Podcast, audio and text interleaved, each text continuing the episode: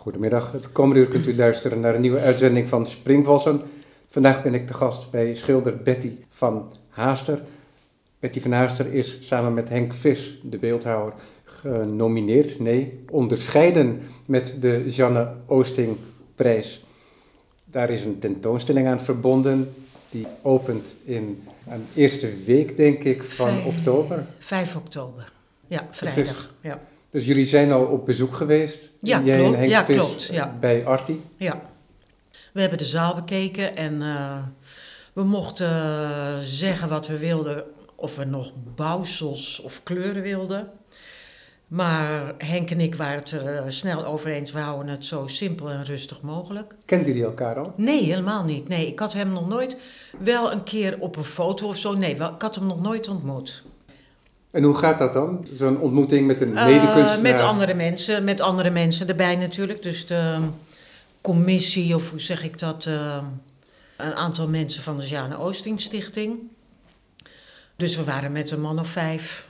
We lopen een beetje rond, handje geven, hallo, gefeliciteerd.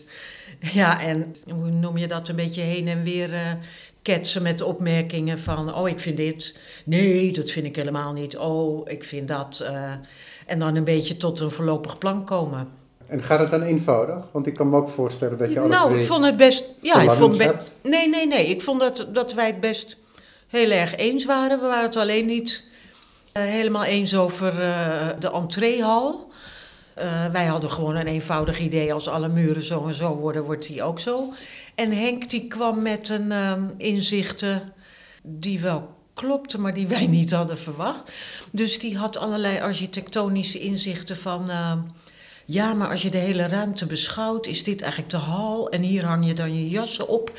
En daar is het leven door de ramen. En dat telt dan niet mee bij de tentoonstelling. Dus wij stonden eigenlijk meer zijn gedachtegang te volgen. En eh, uiteindelijk zijn we tot een soort compromis gekomen. Dus dat wordt nog op het allerlaatst besloten hoe het dan definitief gaat worden. Heb je wel vaker tentoongesteld met beeldhouwers? Mm, Eén keer. Nee, nou je het zegt. Nee. Dat Nee. kan natuurlijk Nee, prima, helemaal niet. maar Nee, nee. Eén keer. Je bent ooit opgeleid aan de ateliers. Dat ja, zat toch in Haarlem? Ja, en daarvoor een MO-AMB tekenen. Dus een lerarenopleiding. En toen je die niet- lerarenopleiding deed, wat had je toen voor idee wat je wilde gaan doen? Ik had eh, gewoon het idee, ik was 16 toen ik daarheen ging. Als ik maar iets met tekenen kon doen. Dat was het enige wat ik dacht. En toen dacht ik nog boeken illustreren. Veel verder ging mijn, eh, ja, mijn kennis eigenlijk niet. En mijn ouders wilden absoluut dat ik iets ging doen waar ik mijn brood mee kon verdienen. Dus dat kwam eruit. En wanneer is dat idee ontstaan om kunstenaar te worden? Je bedoelt niet... Volledig verder- vrij kunstenaar, hè? Vrij kunstenaar. autonoom. Dat ontstond eigenlijk na drie jaar al op die MO. Toen wist ik het wel. Toen had ik zoiets van, oh ja, goed tekenen. Nou, dat is dan één ding. En toen eh, begon ik naar galeries te gaan.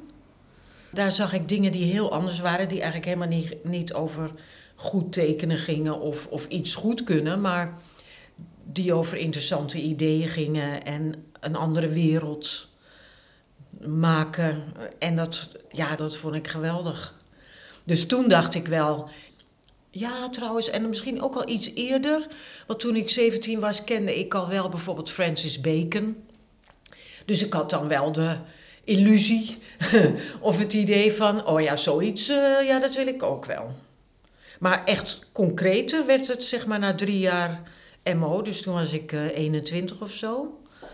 En toen had ik wel zoiets van, nou, dat leraar zijn, dat gaat het niet worden. Ik, ik ga door met iets, ik ga iets anders doen. ja. En had je dan mensen in je omgeving die die ideeën deelden, die dat ook wilden Ehm, bijvoorbeeld? Niet in mijn directe omgeving, maar ik ging daar wel naar zoeken. En er zat dan op die academie ook wel iemand die dat ook deed. Dus daar keek ik dan een beetje naar. Door die tentoonstellingen eh, te bezoeken sprak ik daar natuurlijk ook wel mensen. Dus ja, nee, dat deed ik een beetje op eigen houtje. Het waren niet mensen bijvoorbeeld in mijn klas of zo die dat hadden. Nee. En het idee van het kunstenaarschap, dat was wel direct verbonden vervolgens met schilderkunst. Ja, dat denk ik, ja, niet bewust of zo, van ik ga schilder worden, maar dat was gewoon het dichtste, wat het dichtste bij me lag. Dus dat, dat deed ik altijd al. Dus het, het was vanzelfsprekend dat ik iets daarmee zou doen. Dus wel iets op een plat vlak. Alhoewel ik ook nog wel op de academie trouwens in een van die... Nog wel eens kasten getimmerd waar dan een wereldje in was, zeg maar. Uit mijn schilderij bouwde ik daarna in die kast. Dus dat heb ik allemaal nog wel geprobeerd. Maar uiteindelijk ben ik ja, misschien niet verder gekomen of altijd gebleven. Of heb ik me beperkt tot uh, plat vlak zeg maar, toch altijd iets met mijn handen. Een soort tekenachtig, schriftuurachtig, heel direct erop zetten. Dat is meer mijn kracht als iets bedenken. Er hangen nu werken van jou om ons heen, hier in je atelier. Daar kan je heel kort een paar dingen over zeggen die een beetje identificerend zijn voor de luisteraar, maar zonder dat ze de werken weergeven. Klein formaat, ja. staand en liggend door elkaar. Het is een gereduceerd palet met groenen, gelen, blauwen en alles wat daartussen zit misschien. Mhm. Ik zei in ons voorgesprek daarover dat je het bijna kunt zien, ook al zijn het kleuren, als een soort tonaal, tonaal werk. Ja, ja, ja.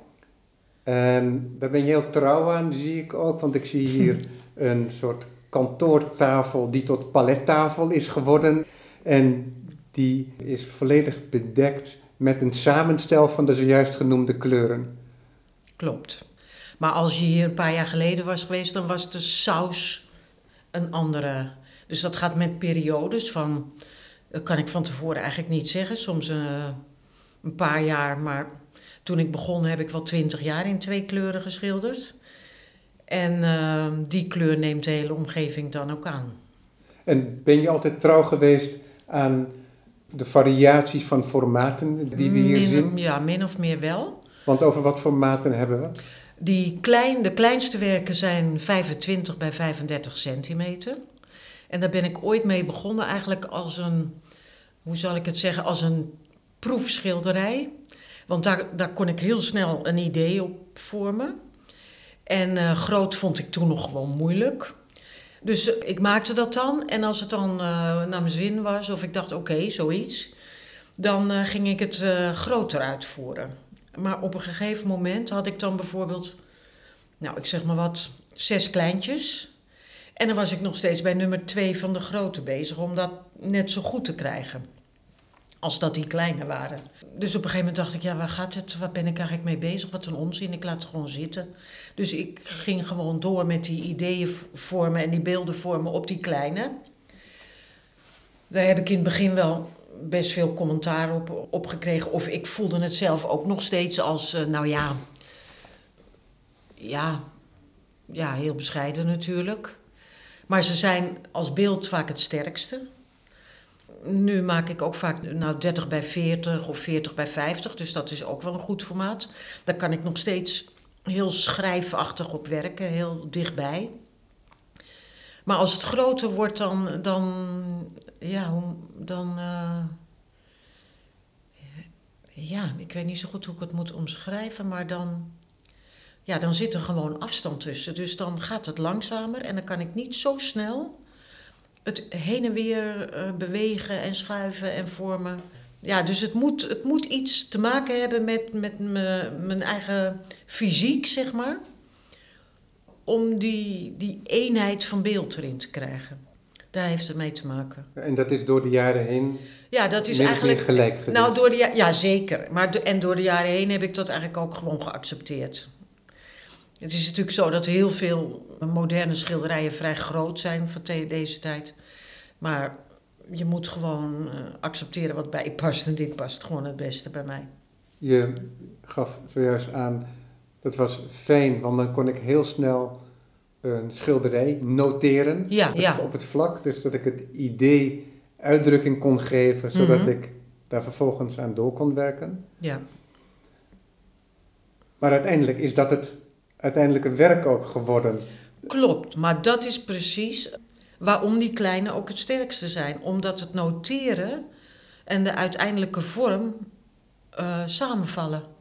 Dus mijn gedachten, terwijl ik, uh, ja, uh, terwijl ik schilder, die, die begingedachte wordt scherper gesteld en gevormd terwijl ik het doe. En dat gaat precies in hetzelfde tempo. Dus het uiteindelijke beeld is eigenlijk de helderste gedachte die je kan formuleren op dat moment. Je schilderijen die geef je vaak een titel mee die refereren naar de buitenwereld. De wereld buiten het schilderij, ja, de wereld ja. die ons omringt. Dat kan tent zijn of landschap. En dat zijn dan nog bijna archetypische verwijzingen. Mhm. Soms is het ook iets specifieker. Je werk, als je dat in eerste instantie ziet, zou ik aanduiden met ook weer een hele algemene term, abstract. Klopt. Maar het feit dat je die specifieke titels eraan geeft, die Mhm. verwijzende titels, dat zegt denk ik ook iets over je manier van werken en over je manier van kijken. Dat vind ik moeilijk wat je nu zegt. Daarom vervolg ik dan Ja. met een wat specifiekere Ja. vraag ook. Je hebt zojuist gezegd, ja, ik wil heel snel het idee van een schilderij Ja. noteren. Ja, ja, Dus- ja, ja. Dat zou je kunnen zeggen als het, het eerste beeld wat je in je hoofd hebt voor wat een schilderij zou moeten worden. Of Wat- misschien ja. wel zelfs het geraamte ervan inmiddels. Omdat je al Eh. zoveel ervaring hebt dat je als je zo'n idee hebt en je noteert hem als het ware snel. Ja, maar zo, zo bedoel ik niet noteren. Ik bedoel, eh, het is ook niet zo dat ik zeg geraamte. Het gaat, eh, dat idee, zeg maar, of dat noteren, Ja. dat is een mix van hoe een bepaalde sfeer, een vorm. Dus dat is een heel scala van, zeg maar, denk aan muziek. Dus het is het skelet misschien in de compositie, maar dan ook een bepaalde sfeer. Is het gedempt? Is het fel? Is het rustig? Is het strak? Of is het, beweegt het? En dan zodra ik ga beginnen, ga ik reageren dus als een improvisatie eigenlijk op wat er gebeurt. En dan is de clue, hoe trouw blijf ik aan mijn beginplan? Hoe ver wijk ik er vanaf? Laat ik het helemaal gaan? Of stuur ik het steeds bij naar mijn eerste... Ja, dat weet ik nooit precies van tevoren, zeg maar. Dus ik kan beginnen met, dat, met een schilderij en denken, ik ga dat en dat maken. En het wordt het ook wel ongeveer. Maar het kan ook zijn dat de hele tent verbouwd wordt en ik eindig heel ergens anders. Maak jij tekeningen voorafgaand aan een Nee, schilderij? nooit. Nee, ik maak tekeningen daarna. Dus ik maak nooit vooraf een tekening. Ik begin. Maar het is wel zo, als ik er bijvoorbeeld twee of drie heb, of ik heb er één die niet helemaal goed is, dan ga ik dat schilderij wel natekenen om eigenlijk te analyseren. Hoe zit die nou in elkaar? Wat gebeurt er nou eigenlijk? En En wat gebeurt er niet? Je krijgt het schilderij op dat moment niet af. dus dan ontbreekt er Ja, klopt, iets. klopt, klopt. Niet altijd, want soms is het ook af en wil ik verder, maar ik weet eigenlijk bij God niet wat er. Wat is nou de clue van dit? Dus dat probeer ik dan te achterhalen door het opnieuw te tekenen. Dus de, de groeperingen die er zijn, of dit of dat, om dan te denken. Eh, wat is nou de essentie van dit ding? Als ik, er, als ik er meer van zou willen maken, waar moet ik dan op letten? Wat zou ik anders kunnen doen? Wat vind ik belangrijk? Wat kan ik verbeteren? Ja, dan ga ik het gewoon onderzoeken door te tekenen. Ja, ik sprak voor de zomer met een jonge collega van je, Janine van Oenen.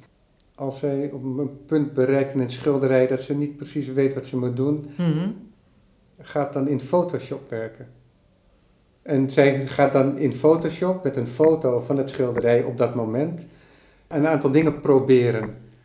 Ja, En dan- nou dat en- is voor en- mij tekenen Ja, dan. nee, precies. Nee, maar dat is heel Ja, ja, interessant. ja. Maar dat is ook Ja, ja, ja. dat- Ja, dat- maar dat is ook een manier om even uit het schilderij te Ja, stappen klopt, ja. en Ja. het ergens anders voor te Ja, werken. nou, ik, wat ik ook nog wel eens doe, maar dat doe ik bijna nooit als het nog niet af is. Want als ik dat doe, dat eruit stappen, dan kan ik ook niet echt goed meer door met dat schilderij. Dus ik doe het als het af is. Dus tussen schilderijen door. Want ik zou nooit, terwijl ik eraan werk, eruit stappen. Eh, want wat ik namelijk ook wel eens doe, is foto's maken als ik er een paar heb. En dan thuis op de computer bekijken hoe het eruit ziet. Maar als ik dat doe, dan, dan merk ik, dan kan ik eigenlijk niet meer doorwerken. Dan is die, ik moet juist binnen die wereld blijven om een schilderij te maken. De uitstappen, dat kan ik alleen in de planning naar een volgende. Werk je aan één schilderij tegelijk? Nee. Ja, wel, wel op een middag. Nou, soms ook niet trouwens. Soms ben ik uh, al, al na een half uur denk ik, nou, ik weet het niet meer. Dan draai ik hem om, zet ik hem weg en dan kijk ik of ik bij een andere die omgekeerd tegen de muur staat, of ik op dat moment daar wel wat mee kan. Maar ik forceer het bijna niet meer. Vroeger ging ik dan de hele boel vernielen en er doorheen. Heel soms doe ik dat nog wel, maar meestal laat ik het even rusten. En dan uh, op een fris moment kijk ik weer. En in deze periode, ja. en je mag jezelf aangeven hoe lang zo'n periode duurt, gebruik je één palet. Ja, klopt. Ja, deze periode die duurt denk ik nu. Mm, even, even rekenen, vier jaar ongeveer. En daar ben ik nog helemaal niet klaar mee. En wat voor verf gebruik je? Bedoel je olieverf of ja, olieverf en ook van een bepaald merk. Heel belangrijk voor de substantie, zeg maar, en het pigment. En pas je dat direct toe of meng je het? Ik pas het direct toe en ik heb alleen een emmer met terpentine, heet dat? Nee, hoe heet dat? Peut, zeg ik altijd. Ja. Om de kwasten schoon te maken eigenlijk. En dat gaat dan ook wel door die verf heen. Maar meestal smeer ik het er gewoon zo uit de tube, min of meer of gemengd op. Qua substantie, zeg ja, maar. Ja, precies. Misschien kun je me vertellen hoe je zo'n schilderij opzet, hoe je begint. Um, hoe kies je bijvoorbeeld al het formaat van het schilderij? Nou, de laatste tijd neem ik eigenlijk vaker 30 bij 40, waar ik vroeger altijd eigenlijk begon met 25 bij 35. Dat begin ik als te klein te ervaren. Ja, maar laat ik beginnen met die van 25 bij 35. Dat is bij wijze van spreken zoals een schrift is voor mij. Snap, je? Een schrift waarin je schrijft. Dat is een bladzijde. Nou, oké, dus ik pak dat doekje. Dan denk ik, welke kleur ga ik nemen? Maakt niet uit welke periode. Die kleuren ga ik pakken, die leg ik op. Ik ga eerst kranten neerleggen. Ik ga het eerst helemaal voorbereiden. Emmer met peut klaarzetten, dat staat er allemaal niet. Dat doe ik per dag. Ik kies een paar kwasten, welke ik ga gebruiken. Dus ik kijk naar mijn emmer, ik kies er drie. Dat zijn als het ware mijn pennen, waarmee ik ga schrijven. Dus dat zijn de bouwsteentjes van het schilderij, de blokjes waarmee het, het gebouwd gaat worden.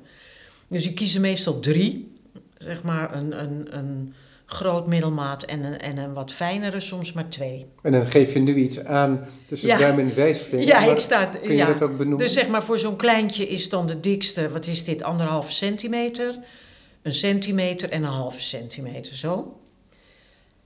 Dan, eh, nou, dan ga ik bij die tafel, dan ga ik mijn palet vullen met combinaties die ik wil. Dus als ik bijvoorbeeld denk, eh, eh, nou, ik maak, eh, op het ogenblik werk ik met kobaltblauw. Dat is een hele sterke pigment. Dus daar gaat bijna altijd heel veel wit doorheen. Ik ga eerst mijn wit mengen. Dus ik heb een hele pasta-achtige eh, wit van Scheveningen. Dat is hele taaie verf. Dat is een blik van een halve liter of een liter. Dat ga ik mengen met peut tot het net een beetje dikke yoghurt is, zal ik maar zeggen. Kwark. en dan ehm, maak ik op mijn palet een paar plaatsen met die kleuren die ik wil. Dus cadmiumgeel met wit, kobaltblauw met wit, wit. En dan doe ik ook nog een plek voor kobaltblauw met geel voor groen. En dan nog puur blauw en puur geel. Dus ik weet precies waar het allemaal zit. Ik zet het helemaal klaar. En dan sluit ik me als het ware af. En vroeger had ik dan keiharde muziek op mijn hoofd, maar dat doe ik niet meer. Ik ben inmiddels half doof. En eh, soms doe ik nog een eh, koptelefoon op, maar dan ga ik als het he- helemaal. Ik doe me overal aan, dus ik ben helemaal ja, klaar voor de handeling, zal ik maar zeggen. En dan probeer ik zo geconcentreerd mogelijk het neer te zetten. En dan is het eigenlijk elke kwaststreek ja, kan de definitieve zijn. Dus ik moet heel geconcentreerd zijn. Ja, maar datgene wat je neerzet, dat heb je ergens al bedacht. Je, Nou, je hebt voor je nou, geestesoog wel een idee, gaf je Ja, ik heb wel een idee. Kan je, dat, Nou, je proberen om dat te beschrijven? Nou, bijvoorbeeld idee? bij dat, dat idee. Ik was met een serie bezig over letters. En dan ging het mij erom wanneer wij noemen iets een letter, een bepaalde vorm. Je haalt een stukje ervan af en we geven hem een andere betekenis. Dus vorm en betekenis.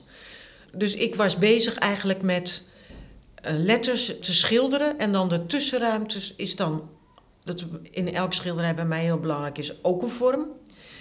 En hak je een stukje van, die, zeg maar van de T af en die plak je aan de lege ruimte. Dan is de lege ruimte een letter en de T is weg. Dus het wordt een, een, een soort spel eigenlijk met, met, met wat zie ik en wat, wat is er niet. En tussen vorm en ruimte Ja. en ook de afwisseling daarvan. Ja, ja, Dat- ja, dat- ja. Want de ruimte die geeft je juist vorm. In de schilderkunst is dat heel vaak. Ja, maar geval. wat, wat dan eigenlijk eh, inderdaad, en in de schilderkunst is eigenlijk. Je nou, nou kom je. De vorm die schilder ik, maar de tussenruimte die schilder ik net zo vol. Dus in de schilderkunst is eigenlijk de leegte net zo zwaar van verf als de vorm. Ja, en je ziet heel vaak ook in schilderkunst, ook in klassieke schilderkunst, Ja. dat datgene wat visueel naar voren komt, bijvoorbeeld het gezicht in een portret, vaak dieper in het schilderij ligt dan de omtreklijn bijvoorbeeld van diezelfde figuur. Maar ik zal nooit een omtreklijn doen. Nee, maar je hebt, je hebt bijvoorbeeld dat je een lucht aangeeft. Ja, maar dat, dat zie je bij Vermeer ook. Dan heb je dat huisje met die trapgevel. Ja. Maar het wit van de wolken, dat is daarna geschilderd. Dat is eigenlijk Ja. fysiek, komt dat tot voorbij de gevel, alleen optisch niet. Ja, nou daar gaat eigenlijk al mijn werk over, Ja. wat jij nu zegt. Dat gaat allemaal over hier en daar en een afwisseling daarin. En dat het non-stop in beweging is eigenlijk. En daarom maak ik, wat ik net zei, nooit een contour. Het gaat juist over die botsing van die velden, die begrenzing van die velden, die is een beetje diffuus. En die bouw ik op met streken. En waar die dan botsen, dat is een begrenzing. Maar die is niet strak, die is een, eigenlijk een overgangsgebied. Eh, zeg maar wat ik dan eigenlijk in mijn schilderijen tegenkwam van die tussenruimte of die achtergrond, zal ik dan maar even zeggen. Die is net zo vol met die kwaststreken. Dat is eigenlijk dat je door je materiaal erachter komt zo ging ik ook naar de werkelijkheid kijken. Dus als ik dan iets om me heen zie, dat is eigenlijk zo'n, zoiets heel ouds wat je dan, dan op school al leert over eh, stillevens. Van kijk naar de tussenruimte. Maar ik eh, zie het eigenlijk nu als allemaal moleculen, zal ik maar zeggen. Sommige die zweven en sommige zitten in een vaste vorm. Maar op een bepaalde manier zijn het allemaal dezelfde dingetjes. Net zo, en in dat schilderij kan je dat in werkelijkheid doen. Dat zijn allemaal blokjes verf eigenlijk. Dus bij wie je dat heel mooi kan zien is Morandi. Die, die doet dat, dat is helemaal in balans. Ja, Giorgio Morandi, die Ja, vrij tonale schilderijen maakte. Heel gereduceerd in zijn kleurgebruik en ook heel aards, zou je kunnen zeggen. Met grijzen en bruinen. En, maar ook heel onaards vind ik eigenlijk wel. En- heel, eh, hoe noem en dat was een soort spel tussen voor- en achtergrond. En daarvoor gebruikte hij vaasjes en potjes. Dus het waren hele eenvoudige stillevens. Ja, maar waar die eigenlijk universele, visuele, maar ook misschien wel, ja, filosofisch is zo'n groot woord, maar ja, je kan ook zeggen op, de, op dezelfde manier, of je nou een vaasje portretteert of een mens of een boom. Het zijn allemaal, het is allemaal de wereld en leven. En bij hem is het ook nog zo dat de zwaartekracht speelt nog een rol daarin. In die zin dat je wel ziet dat een potje ook echt staat. Bij jou ehm, zit die zwaartekracht in de titel, omdat je refereert naar, naar die buitenwereld. Maar Mhm. in je werk is het de ruimte die je ziet, dat is de schilderkunstige ruimte. ja. En je kunt daar eventueel her en der objecten of landschappen Klopt, of ja. allerlei zaken in gaan zien, Mhm. maar er is niet direct iets uitgebeeld. Misschien Nee, heb je voor- die gedachte wel eens. Ja, ik heb die gedachten wel. Maar het zijn. ehm, ja, het zijn geen dingen die in het echt bestaan. Het zijn dingen die in mijn schilderij bestaan. Maar binnen dat schilderij zijn ze voor mij wel. Hoe moet ik dat nou zeggen? Is het een realiteit? Dus ik kan op een gegeven moment binnen dat schilderij moet het, zoals ik het dan zelf zou zeggen, wel kloppen dat alles bij die wereld hoort die daar is. En dat bedoel ik ook dan weer wat ik eerder zei met een, het moet een eenheid zijn. Dus het is uiteindelijk vaak, eh, ik bouw het in lagen op, of, of soms ook niet trouwens, maar het, het ontstaat. En dan op een gegeven moment dan zie ik uit mijn ooghoek links, boven, rechts, onder eh, alle gebieden. En dan kan ik het soms, en dan in één keer of, of, of in, een, in een korte periode eigenlijk, is het in één handeling, in dezelfde ja, beweging of, of opbouw ontstaat, bestaat het. En als ik dan Het is terug moeilijk uit te leggen. Ja, maar als ik Ja. dan terugga naar mijn vraag vijf minuten geleden, Ja, het idee van het schilderij. Ja, Het idee wat je hebt voorafgaand Ja. aan het ja. maken van het schilderij. mhm.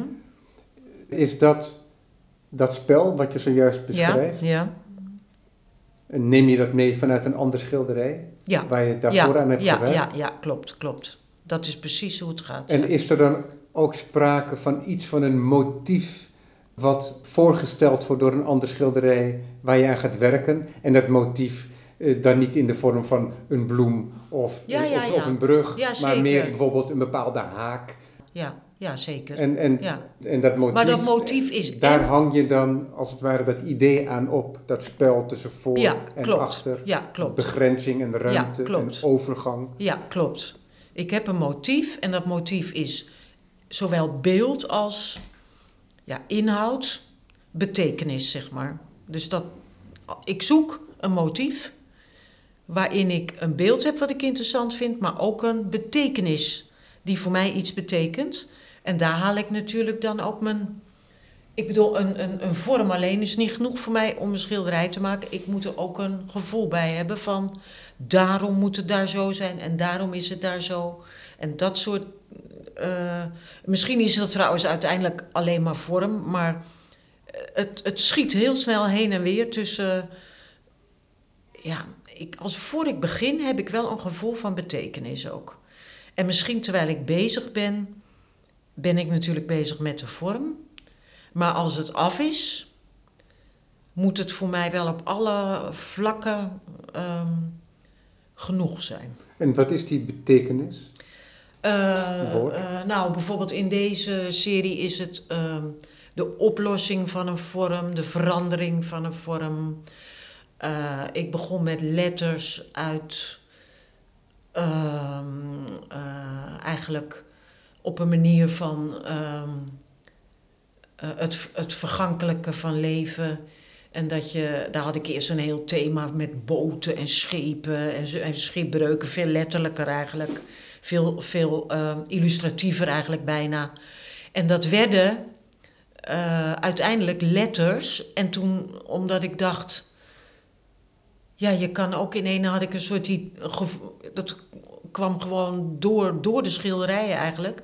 Dat ik dacht een letter, zeg maar, je ziet zoveel mensen met een kettingje met een letter eraan. Of eh, dat kan van iemand zijn waar ze van houden, of van iemand die is overleden, of, of eh, hun man of hun kind, of weet ik veel wat. Een, een letter, dat is een iets of iemand die betekenis heeft. Eh, Een letter heeft betekenis, dat is genoeg. Je kan die letter schilderen en daar dat hele idee van vergankelijkheid aan ophangen. Dat is genoeg. Ja. Dus dan heb je eigenlijk een, een, een, een vorm zonder verhaal. Niet direct een Ja. verhaal, maar, maar, maar je hebt wel een vorm. En je kan daar al je ideeën over. Nou, in die gevallen dus het uit elkaar vallen van een vorm. Eh, wanneer is het nog een vorm en wanneer worden het stromen bijvoorbeeld. Eh, wanneer krijgt het diepte? Wanneer eh, wordt het plat? eh, hoe, ja, alle, allemaal elementen van iets opbouwen. Begin je daarmee? Met, Ik begin met een met, eenverfstreek. met wat we eerder noemden, inderdaad een, een soort een notatie van motief en van het spel eh, wat je aangaat tussen... Ik begin met één. Ik begin met natuurlijk de eerste kleur. En dat is meestal dan het zogenaamde ding. Eh, dat is eigenlijk wel raar, want ik kan net zo goed met de zogenaamde. Ja, ik begin eigenlijk met het, het zogenaamde motief, zal ik maar zeggen. Of het motief. En dan met verf. Dus, en, maar dan is het eigenlijk al meteen van hoe staat die verf erop, in wat voor ritme.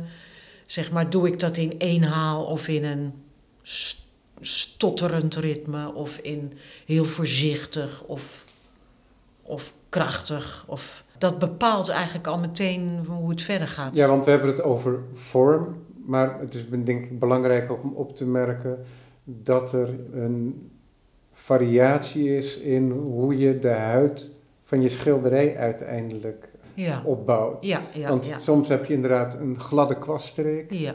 Soms is er, zoals je zojuist aangeeft, een soort stotterend eh, gebaar ehm, met de kwast. Of iets En, vervloeiends. en soms eh, is dat nat in nat zelfs, ja, waardoor je Vaak. een menging krijgt in het, in het vlak. ja. En ehm, het gebeurt ook wel eens, als ik dat zo beoordeel, is dat je een beetje een rullig vlak, Rullig. een rulvlak hebt. Ja, klopt. Alsof, je nog ehm, het hebt laten drogen en alsof je dan nog ja, een kan. hebt gemaakt misschien. Ja. Maar, je hebt, maar daarmee wil ik zeggen, je hebt verschillende manieren ja.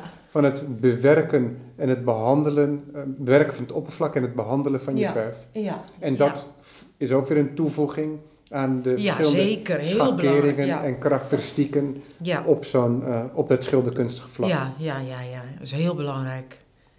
Huid. Ja, ja heel belangrijk. Jij vertelde me ook, Dat zegt mij eigenlijk misschien wel het meeste. Een van, ja, dat vind ik wel een van de huid. En ja, dus eigenlijk hele eh, dingen die je amper kan benoemen. Textuur, huid, structuur, dat soort dingen. Ja. Dat, ja, dat gaat ook een rol spelen in de ritmiek, in het zoals je aangaf. ja, in het maken, maar ook dus voor de ontvanger. Kijk, als jij buiten, nou zeg je loopt in een bos, dan zegt iedereen toch ook, kijk wat mooi dat mos. Of kijk eens wat mooi die korstmos op een muurtje of zo. Nou, dat soort dingen. eh, ehm, dat vind ik dus mooie dingen. Ja. Ehm, iets, eh, ja, iets met, Het reflecteert ook allemaal op een andere manier de wereld, waardoor het iets, ook iets zegt over de textuur. ja, En dat is een element ehm, dat verloren gaat als je een schilderij fotografeert. Als je een foto maakt van een schilderij, dan krijg je vaak een wat grafischer weergave ja. van ja. het schilderij. Dat is ook belangrijk. Dat is een manier, denk ik, om de opbouw van een schilderij te zien. Ja, dan heb je wel het plaatje en het beeld. En maar er gaat wel een element verloren en een element dat heel belangrijk is, in ieder geval voor jouw Voor mij, ja. schilderkunst. Klopt. Ja, dat is, ja, klopt. Ja. ja, helemaal waar. Ja. Is dat altijd zo geweest, dat je Ja, die variatie zoekt Ja. in, eh, in de eigenlijk wel. textuur? Ja, vanaf het moment dat ik... Ja, nou nog niet toen ik alleen maar tekende misschien, maar zodra ik begon met schilderen... en zodra ik, zo gauw ik eigenlijk gevonden heb van... hé, hey, hierin... Nou, dat was eigenlijk nou, op ateliers al wel, maar voornamelijk daarna... Dus eigenlijk de eerste schilderijen waarvan ik dacht, hé, hey, dit is het. Dat, ja, dat, dat, dat is gewoon die verf. Hoe die verf erop zit. En, en ook, ik vind het gewoon heerlijk om dat zo te doen, zeg maar. Dus dat valt ook samen. Je leest ook graag poëzie. Ja, nou graag, maar regelmatig, ja. ja. Nou, het, graag genoeg om Ja. toch tegen mij te zeggen dat je, toen we het over, denk ik, boeken hadden of Ja. over wat je zoal doet, ja. is dat je toch ook wel ehm, als, het als ideaal ziet om uiteindelijk gewoon maar een heel klein boekenplankje over te houden. ja, klopt. En, en, maar op dat boekenplankje staan uiteindelijk alleen maar een paar dunne bundels. Ja, nou, ik vertelde aan jou ja, dat ik een paar, dat ik iets van vijf boekjes heb van Elisabeth Eibers. En dat ik voor mezelf heb gedacht, en dat zijn kleine boekjes, maar die staan helemaal vol met haar hele leven. Zij is 90 geworden of zo. En daar zitten echt schatten in van uh, manieren van kijken, zien, uh, de wereld registreren en uitdrukken. Dat ik bij mezelf heb gedacht, als ik dat zou kunnen bereiken op het eind van in mijn hele leven, dat ik een paar van die dunne boekjes heb, zeg maar, met mooie schilderijen erin, of schilderijen erin waarin ik zoiets gezegd kan hebben, dan is het goed. Inderdaad, als je het equivalent daarvan hebt in ja, de schilderkunst. Ja, dat bedoel dus ik. Dat, dat bedoel ik, ja. Dat al dat werk dat je gemaakt hebt, dat Ja. kan je in principe, als dat leidt Ja. naar een aantal schilderijen waar je blij mee bent. Ja, En die datgene wat jij wilt zeggen in de schilderkunst in zich dragen, dan is het geslaagd. ja, ja. Ja, en dan moet je elke dag aan werken. Ja, klopt. Ja. Dus hoe deel jij je dagen in? Maak je lange dagen? Nee, niet echt eigenlijk. Eh, s S'morgens doe ik meestal, ik sta niet vroeg op, laat ik het zo zeggen. En dan, eh eh, s morgens is een beetje niksig. Dus een beetje mail, wandelen, boodschappen. Eigenlijk een beetje een aanloop nemen, opwarmen. En dan ben ik om een uur of één op mijn atelier. En dan, als ik een periode heb waarin ik goed kan werken. Dus ik hoef niet allerlei baantjes te hebben of zo. Ik kan gewoon goed werken. Dan ben ik van 1 tot 5 of 6 op mijn atelier. En that's it. Ja. Dan ben ik heel moe. En dan ga ik even afkicken in de bibliotheek. Even een blaadje lezen of de krant. En dan wandel ik naar huis. En dan eh, is het een beetje ontspannen huishouden doen. En dat is het. Ja. En wanneer lees je de poëzie? S'avonds. S'avonds. Dus ehm, ik heb een bankje en eh, met die plank ernaast. En soms lees ik ook een tijd geen poëzie of zo. Lees ik alleen maar de krant of dan kijk ik een film. Maar, maar eh, ik schrijf ook vaak wel iets op s'avonds over de dag of over mijn werk.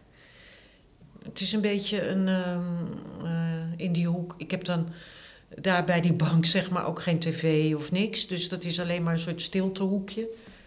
En dan pak ik wel eens een boekje en dan, of ik denk in een van, oh, toch even die. eh, het is ook een beetje troost zoeken of steun zoeken. Bij dichters eigenlijk. En heeft dat ook een relatie met je schilderkunst? Ja, Dat lezen Voor van mij de wel. poëzie? ja, voor mij wel. Ik, nou, bijvoorbeeld, ja, wat lees ik? Eh, waar ik heel veel aan heb is Lars Gustafsson, ken je die? Dat is een, ehm, ja, is die nou Zweeds of Deens of zo? Dat is eigenlijk een natuurkundige volgens mij, of een wiskundige, die poëzie schrijft. En dat is heel veel met natuur. En dus die moleculen waar ik het over had net. En eh, dat de hele wereld om ons heen misschien wel net zoveel weet als wij van ons. Dus hij heeft bijvoorbeeld een heel mooi gedicht over ijs. Dat hij met een vriend over een ijsplas schaatst in Noorwegen, volgens mij. En dan het geluid van dat ijs en die schaatsen. En dan overlijdt die vriend. En dan schaatst hij een jaar later, vraagt hij zich af of die moleculen van dat water, als ze later weer bevriezen, zich nog herinneren dat zij daar waren. Zoiets vind ik dan. Ja, dat spreekt mij heel erg aan. De sporen. Ja, sporen, maar ook een bewustzijn. ehm, de levendheid van alles eigenlijk. Niet alleen van mensen, maar van alles om, van, van alles. Dus het geheim ook van alles. Ja. Jij gaf aan dat je geen ontwerpen maakt van je schilderijen alvorens je gaat beginnen. Nee. Dus het is ook niet zo dat je een serie ontwerpt. Nee. Maar het is wel zo dat je zoiets hebt als een soort opeenvolging Ja. van schilderijen, dus die in die zin een verband met elkaar hebben, Ja. maar die elkaar genereren. En Wat bedoel je met genereren? nou, dat je bijvoorbeeld een bepaald motief hebt waar je niet op uitgekeken raakt een bepaalde periode. omdat het je in staat stelt om eh, bepaalde oplossingen eh, ja klopt. te, ja, te, klopt. te zoeken. ja, hè. Dus- ja en, een soort, en een hele, ja, waar ik steeds op door kan. Ja, ja. Ja. Maar dat is dan zo dat dat eigenlijk vrij organisch gaat. Ja, absoluut, ja. Ja, dat gaat absoluut organisch. En soms is het zo, dan denk ik... oh, hier kan ik echt nog wel een jaar mee door. En dan ineens is het op. Dan... Het is heel raar. Het is alsof ik eruit groei. Ja. Maar dat is dus niet te voorspellen. Dus ik kan dat niet bewust plannen. Want ik kan ook niet denken... ja, en dan ga ik volhouden... hier moet ik er nog vijf van hebben. Want dat lukt gewoon niet. Ja. Maar Lijkt dat dan ook enigszins op dat idee van die dichter Gustafsson? Dat wij zien de dingen en de objecten en de wereld om ons heen in een duidelijke vorm, hè, afgescheiden in de Ja, ruimte ja, en ja. in relatie ten opzichte van elkaar. Ja, Maar tegelijkertijd is alle materie één, zou je kunnen zeggen. Het is allemaal Vloeibaar at- atomen. En, ja klopt, ja. en dat je met je schilderijen geef je objecten aan, maar tegelijkertijd gaan die ook weer op in de ruimte. Heb je eenzelfde een wisselwerking Dat als is het, heel als mooi. het. Ja, hoe je dat zegt. Ja, ja. ja dat klopt. Ja. Ja. ja. Had ik zelf nog niet. Ja, nee, maar dat klopt. Het is een soort stroom waarin dingen opdoemen en weer verdwijnen en vervormen. Maar dan doe je dat zo, dat, want een schilderij moet ook nog overeind blijven. Ja, dat is soms. Ja, dat klopt. Ja, maar daarom heb ik natuurlijk dat motief wel nodig. Dus ja, ik heb ook wel een periode gehad, nou je dit zegt. Dat ik eigenlijk een helemaal dat er eigenlijk bijna niks meer over was. En eh, dat ik dacht, ja, en wat nu? En toen moest ik als het ware weer, dat is, eh, toen zat ik nog in een ander atelier.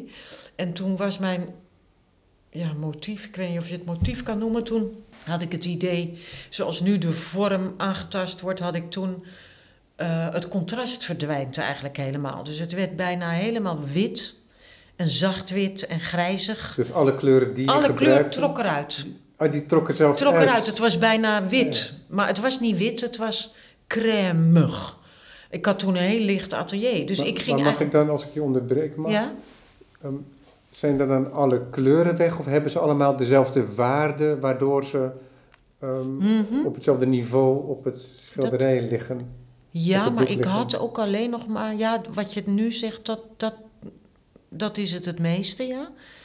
Dus ik had nog zwart, geel en wit. Ja, dat klopt eigenlijk wat je zegt, maar de, eh, amper aanwezig. Dus ze waren helemaal verzacht. Ja, en verzonken. Dus Verzonken, ja, in inderdaad. elkaar, maar zonder dat het één mengsel is. Want, als- Nee, het- want dan het- zou het weer één kleur worden. Nee, klopt. Goed gezegd. Ja, mooi verwoord. Ja. Ja. ja, klopt. En dus eigenlijk kon je het alleen nog maar bekijken bij heel veel licht en als je heel goed op de structuren lette. Maar dat werd zo subtiel dat als je het, dat ik, dat ik mezelf, eh, ja. Toen kwam ik trouwens ook in een ander atelier, ja, en daar werkte het gewoon niet meer. Dus ik moest. Toen ben ik, ben ik eigenlijk voor mijn gevoel weer opnieuw begonnen met. eh, toen heb ik een schilderijtje gemaakt en het heette Ontginning. Met amper verf erop, maar dan heel schrale verf. Dus op een andere manier heel weinig. Het is een nieuwe manier van werken op een nieuwe plek. Ja, ja. Ja, heeft toch met licht te maken. Ja, want je bent ook in het Van Gogh-huis in Zundert aan het werk geweest. Ja, klopt.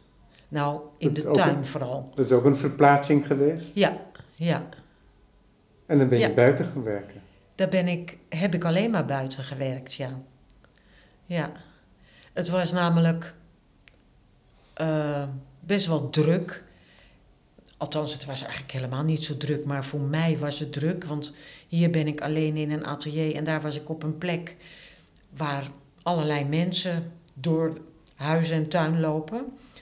Dus ik ging. ehm, Onder andere bezoekers dus. Bezoekers, ja. Eh, bezoekers, tuinmannen, toeristen. Nou ja, voor mij elke keer iemand in mijn rechter ooghoek of zo, waarvan ik dacht, wegwezen.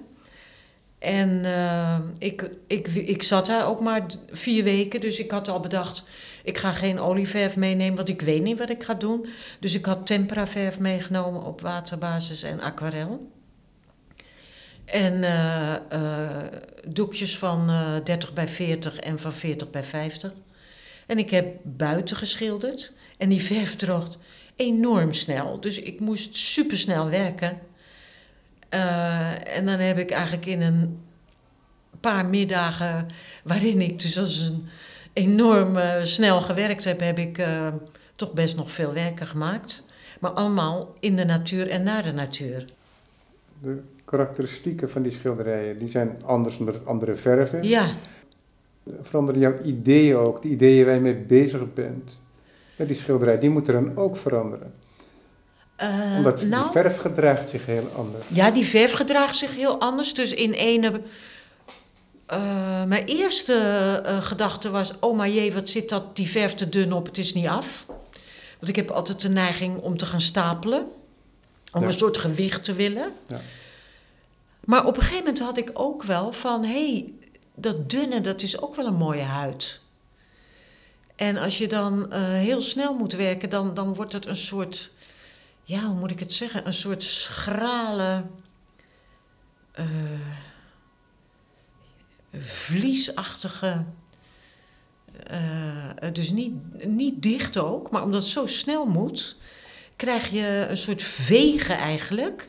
Waardoor er eh, ook iets diffuus. Dus je krijgt een hele ander soort huid. Ja, en tempera die- kan ook een hele mooie mat hebben. Ja, ja, precies. Dus het, het had iets waar ik eigenlijk heel erg door verrast was. En, eh, en nou, kortom, ik vond het heel jammer dat ik weer naar huis moest.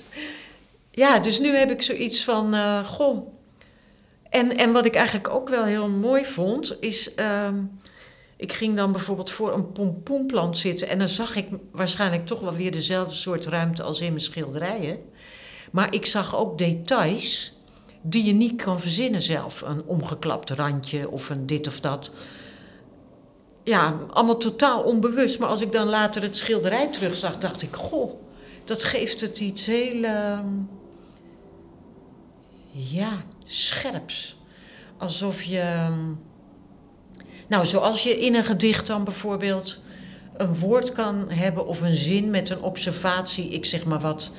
Er is een deur met een deurknop en daar zitten drie schroeven aan. En die drie schroeven heb je, zou je nooit zelf verzinnen, maar omdat je hem echt hebt gezien, zeg je drie schroeven, waardoor die heel specifiek wordt.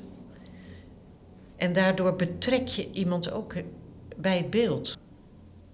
Is dat dan zo dat dat invloed op je werk daarna is gaan Dat weet ik uitoefenen? dat niet. je hier in Amsterdam bent gaan maken? Heb ik nog niet gedaan. Ah, Want ik kwam terug en ik ben nu eigenlijk die tentoonstellingen aan het voorbereiden.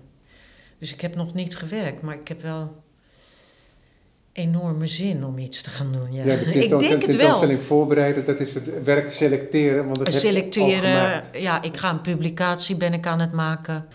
Eh, wat ben ik nog meer aan het doen? Ja, dat is het eigenlijk, Ja.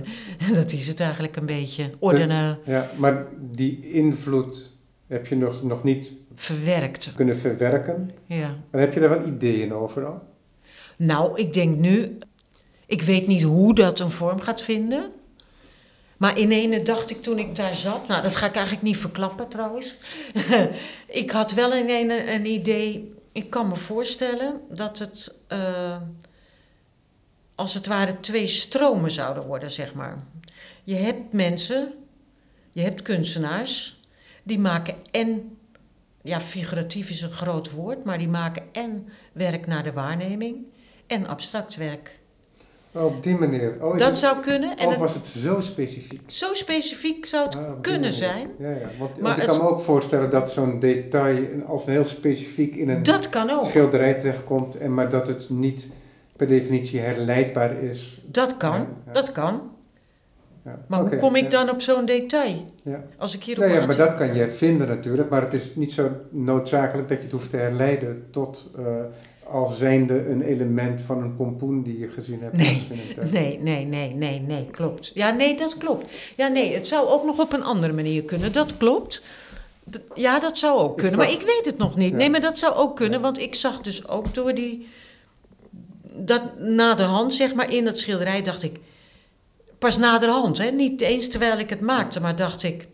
Hé, hey, maar op zo'n manier zou dat ook een hele serie kunnen worden. Ja. Dus daar zag ik eigenlijk een potentie in om een bepaald onderwerp helemaal uit te bouwen, ja.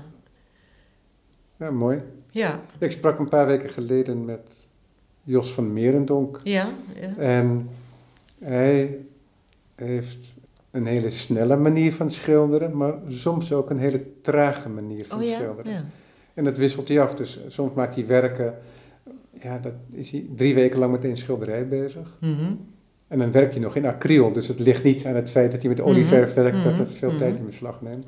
Maar dan zegt hij ook dat hij, als hij een periode die trage schilderijen, om het zo maar te noemen, heeft Ja. gemaakt, ja. dat hij er dan heel eh, veel plezier in heeft om daarna weer Dat snap ik. eh, sneller te werken. Dat snap ik. En om zijn arm als het ware te laten gaan. Ja, Ja, maar misschien is het ook zo wat ik eigenlijk dacht terwijl je het aan het vertellen was. Hij is, terwijl hij traag aan het werken is, is hij zijn hele binnenwereld aan het vullen en zijn vocabulaire aan het vullen. Hij is als het ware zijn woordenboek aan het opbouwen in dat trage werken.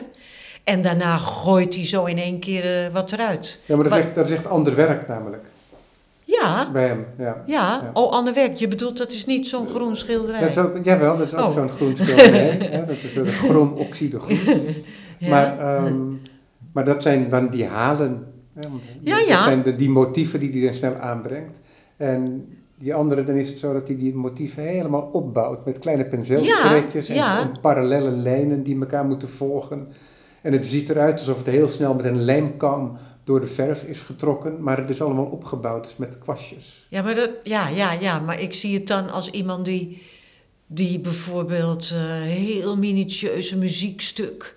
Ik zie altijd dingen met anderen of een hele moeilijke oefening doet en dan daarna mag hij Ja. in ene lekker springen of zo. Of, Ja. eh, Ja, ja, precies. of eh, ja, zoiets. Heb je er de zin in om aan het werk te gaan met die mogelijkheid die je Ja, ontdekt hebt, Ja. zou je kunnen zeggen, in Zunder? ja, ja, ja. Ja, het, het was wel, dat had ik niet gedacht. Ik ben altijd een enorme, ja, wat moet ik zeggen, behoudend eigenlijk. Van eh, laat- op mijn atelier zitten, thuis zitten en zo. Maar ik, eh, het heeft enorm veel eh, los, energie losgemaakt. Dus ik heb nu wel zoiets van, of het nou is nog een keer weggaan of eh, regelmatiger uitstapje maken. Maar ook wel om, ehm, ja, je, er moet een ingreep, er moet iets gebeuren. Maar er moet dus blijkbaar ook iets van buitenaf gebeuren om je te triggeren. Ja. Ja, want het kan ook destabiliserend zijn. Ja, dat, dat bedoel ik eigenlijk. Een mooi woord, ja. Ja. Ja, dat is het, ja. Ja, dus Ja. dan moet je ook Dus je zoekt naar balans. Maar soms is het goed om of uit balans te Ja, het is net als met wandelen. Als je wilt wandelen, dan moet je altijd onevenwicht zoeken om vooruit te komen. Is dat- dat zo? Ja, je moet uit evenwicht gaan, want anders dan Oh, is er geen manier. dynamiek. Ja, ja, ja, ja. en, ja. en dan in je pas en het bijtrekken van je voet, heb je weer een nieuw evenwicht en dan zet je je voet weer neer. En dan, ja. dus er is een soort Ja, maar, basculeren, oh ja, oh ja, een ja. soort ja. kantelen tussen evenwicht en eh, het ontbreken van Ja. evenwicht. Ja, dat inzicht had ik nog niet. Ja. Maar misschien is, misschien is wel dat het zo organisch gaat bij mij ehm, eh, met die schilderijen, dat, het, eh, dat ik dat destabiliseren niet zo goed kan voelen. Snap je dat ik dat niet merk? Mhm. Dat het een glijdende schaal is en dat Ja. ik nu echt fysiek zelf en door ander materiaal dat gevoeld heb en dat dat dus werkt. Ja. Ja. ja, want dat is fascinerend, toch? Dat je met een ander materiaal gaat werken. Dat, Ja, dat is dat, ook heerlijk dat, dat bijna aan je kwast droogt Ja, terwijl- je bezig Ja. bent. Maar dat is echt ook, het is ook heel leuk om te merken dat je de eerste dag denkt: oh help, dit wordt helemaal niks. En dat je dan toch, nou misschien als je nog weer, zeg maar, geef me wat. En ik zal wel zorgen dat het weer wat wordt. Dat Want is het, gewoon... het snelle werken, dat kan me ook voorstellen dat dat wat pijnzen weghaalt. en Ja, een zekere Ja, ehm, gemakkelijke, Ja. licht en vreugdevolle manier van werken kan zijn. Ja, klopt, klopt. Weet je, klopt. de problemen komen vanzelf wel weer. Ja, dat klopt. Maar dat heb ik ook wel sowieso als ik teken of met aquarel werk. Dus dat doe ik ook wel eens periodes. Ook al om het wat luchtiger en lichter te maken. Ja. Heb je al in je hoofd wat je eh, laat zien? Heb je je selectie al min ja, of meer het- ja, ja, ja, gereed? Ja, ja, ja, ja. voor de tentoonstelling in de ja, ja, ja, ja. Nou, het is zo dat ehm, die mensen van Sjane Oosting zijn hier geweest. En het is een oeuvre tentoonstelling, een oeuvre prijs eigenlijk. Dus ik dacht, ik ga ehm, een opeenvolging van jaren kleine groepjes laten zien. En bij mijn galerie, Albeda Jelgersma, laat ik het werk wat ik echt alleen maar dit jaar gemaakt heb zien. Een mooie combinatie. Ja, En ik ben heel erg benieuwd. nou dank je. Ja. Dankjewel, Betty van Aaster. Graag gedaan.